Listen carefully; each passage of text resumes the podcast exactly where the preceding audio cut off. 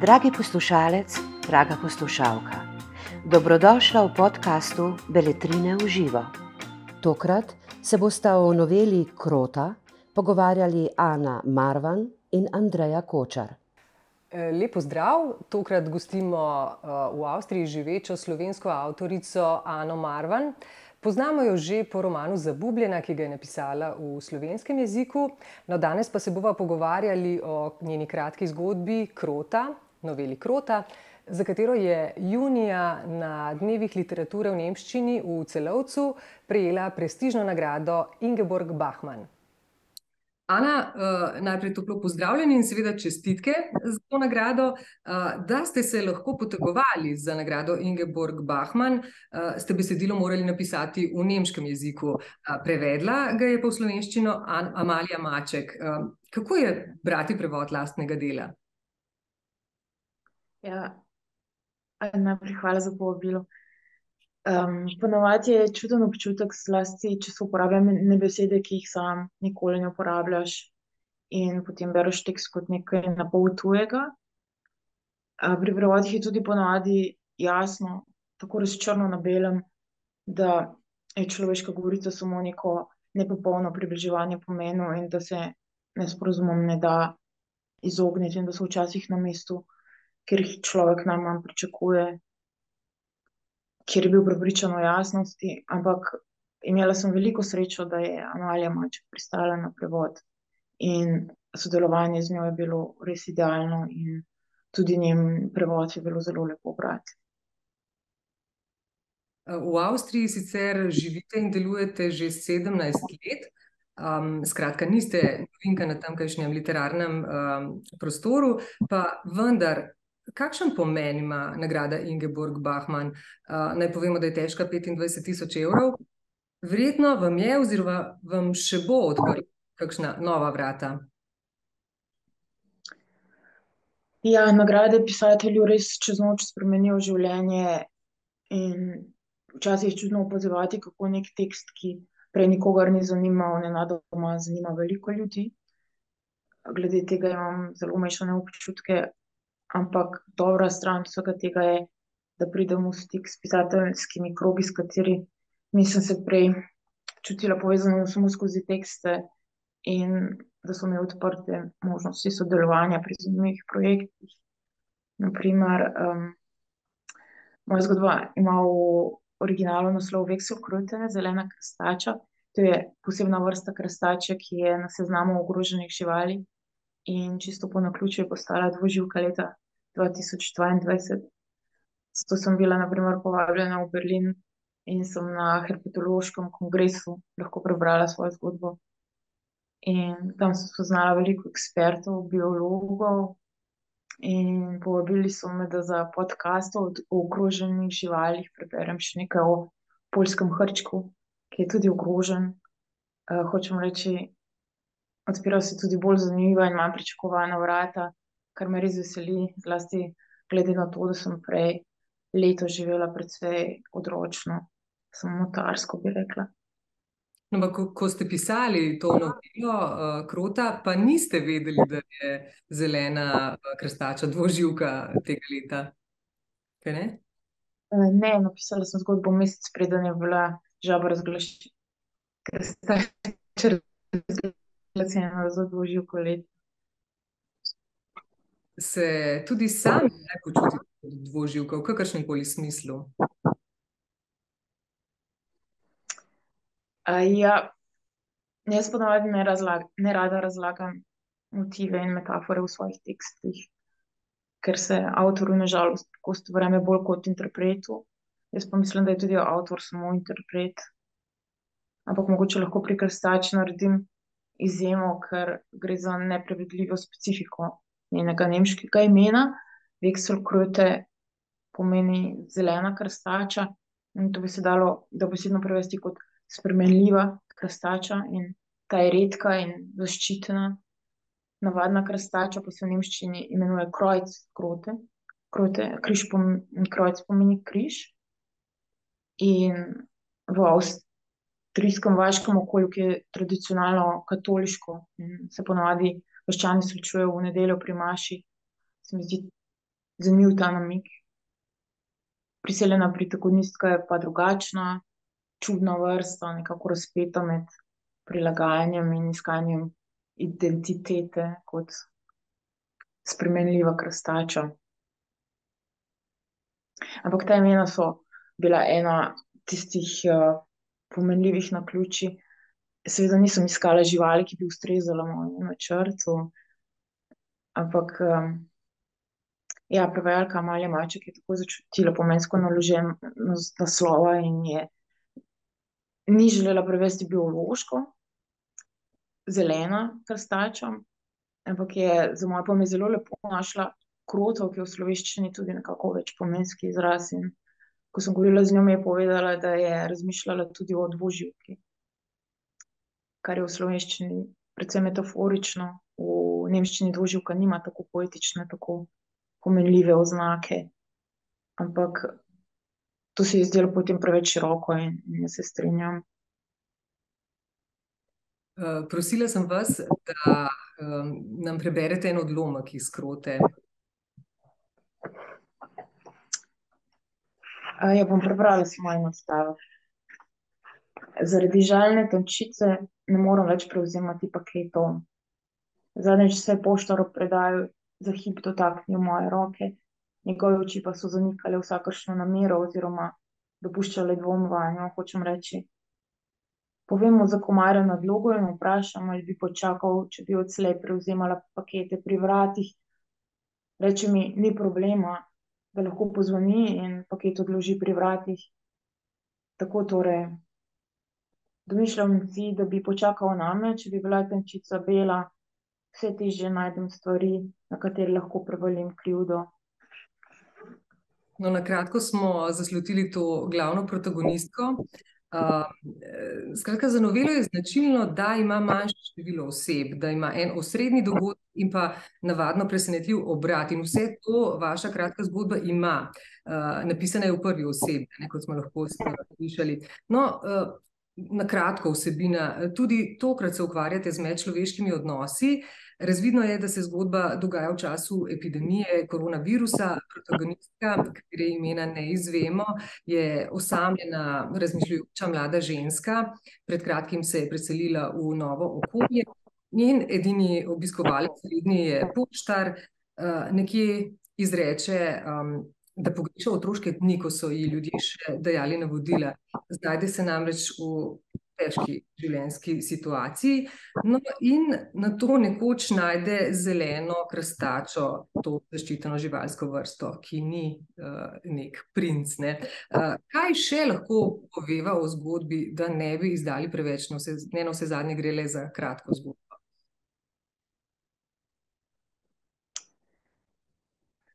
Uh, kar se vsebine tiče, mislite? Ali pa glavne junakinje, konec koncev. Uh, ja. Glavna junakinja, recimo, kot sem že, že nekako nakazala, s primerjavo s krastačo, ki se mi zdi zelo metaforična, je oseba, ki nekako išče prostor v novem okolju in skozi ta proces išče tudi sebe. Pravzaprav, tako kot večina mojih protagonistov, ni prepričana, ali išče ali želi spoznavati svet okoli sebe ali sebe v tem svetu. Uh -huh.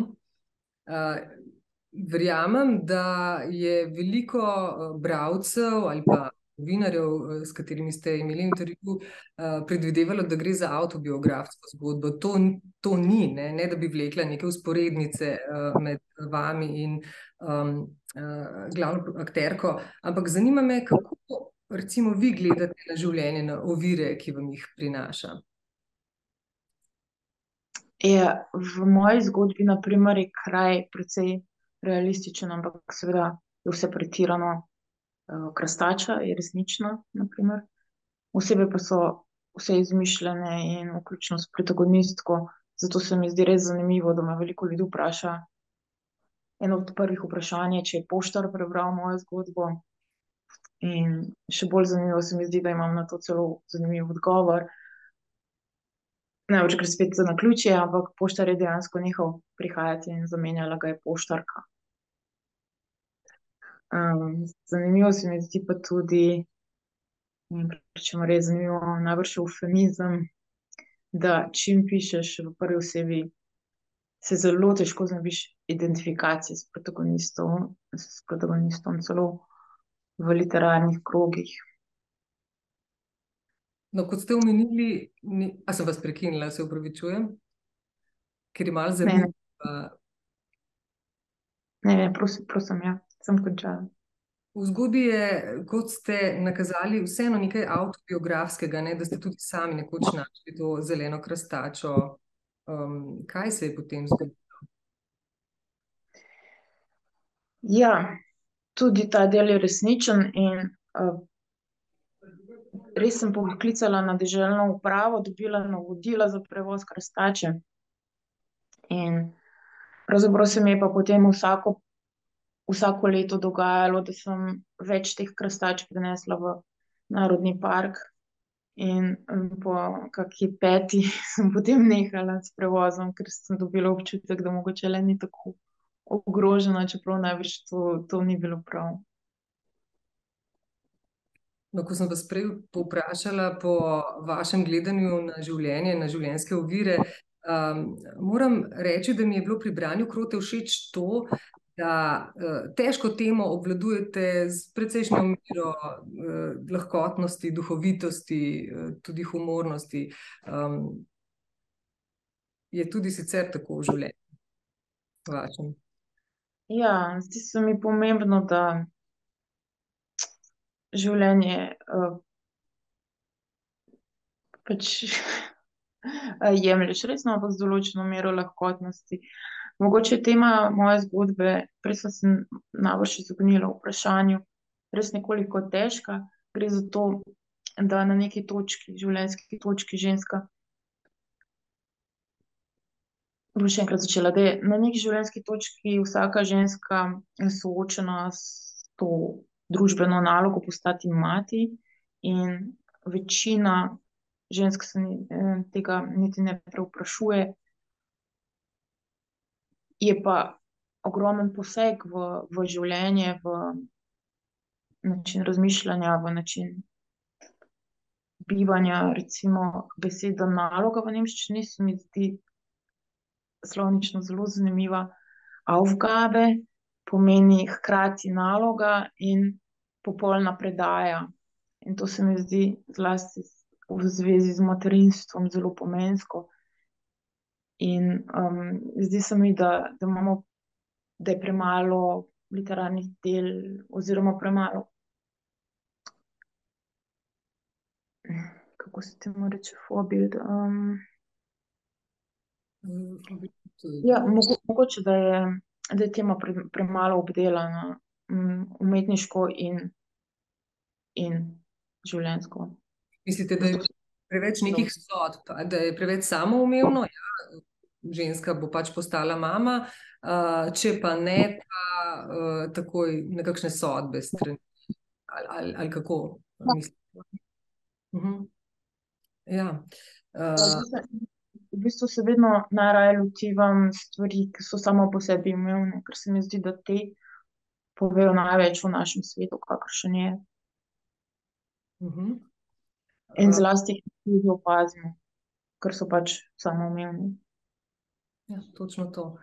Uh, no, in meni je nekako samo umevno, uh, da da vas navdihujejo, oziroma da so ena od vaših fascinacij tudi živali, ker se mi zdi, da nekako so prisotne v vse čas uh, vaših uh, delih.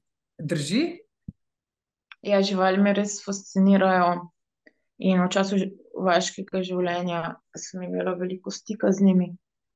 Prej nisem res živela z njimi, potem pa sem imela okrog sebe nenadoma pse, zajce in štiri ovne. In uh, pri tem sem opazila, kako velika ovira je bila za me, da ne govorijo človeškega jezika.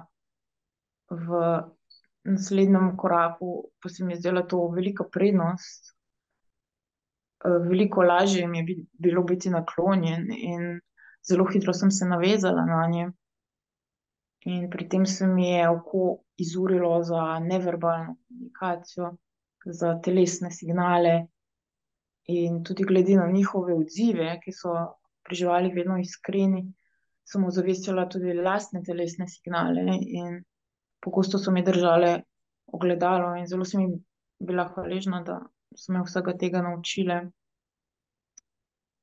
Zdi se mi, da sem jih v končni fazi tako dobro spoznala, da zdaj ljudi gledam bolj živalsko. Medtem ko sem na začetku pri živalih delala napako, da sem jih počlovečevala.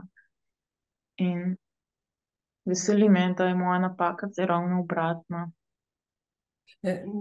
Navsezadnje so te živali vendarle bile terapevtske, ne? Te ovni. Njihovi starši so bili terapevtske živali, moji štirje ovni so bili pa rojeni v času pandemije. Tako da niso imeli stika z ljudmi in niso bili dobri terapevti. Zato so potem prišli, k meni. In kdo je zdaj terapevt, oni ali vi? Oboje stransko, verjetno, ste izvajali terapije. Ja, in veselilo me je tudi, da sem lahko prodala električno kosilnico. seveda, sem potrebovala nekaj časa, da sem dojela, kako je zdaj kosilnica povezana s tem. ja, no, še to baje, da, se je prav na dan, ko so razglasili seznam vseh, ki ste se potegovali za nagrado Ingeborg Bachmann, da se je takrat na vašem pragu pojavila zelena krastača. Ja, to je, to je bilo spet eno od tistih naključij, ki jih ne morem gledati drugače kot, da so znak, kot odblesk neke transcendence, ta, ta, občutek mi naključja pogosto vzbujajo. Tako da sem, imela zaradi, ravno zaradi te krastače velika pričakovanja, kar se nagrade tiče.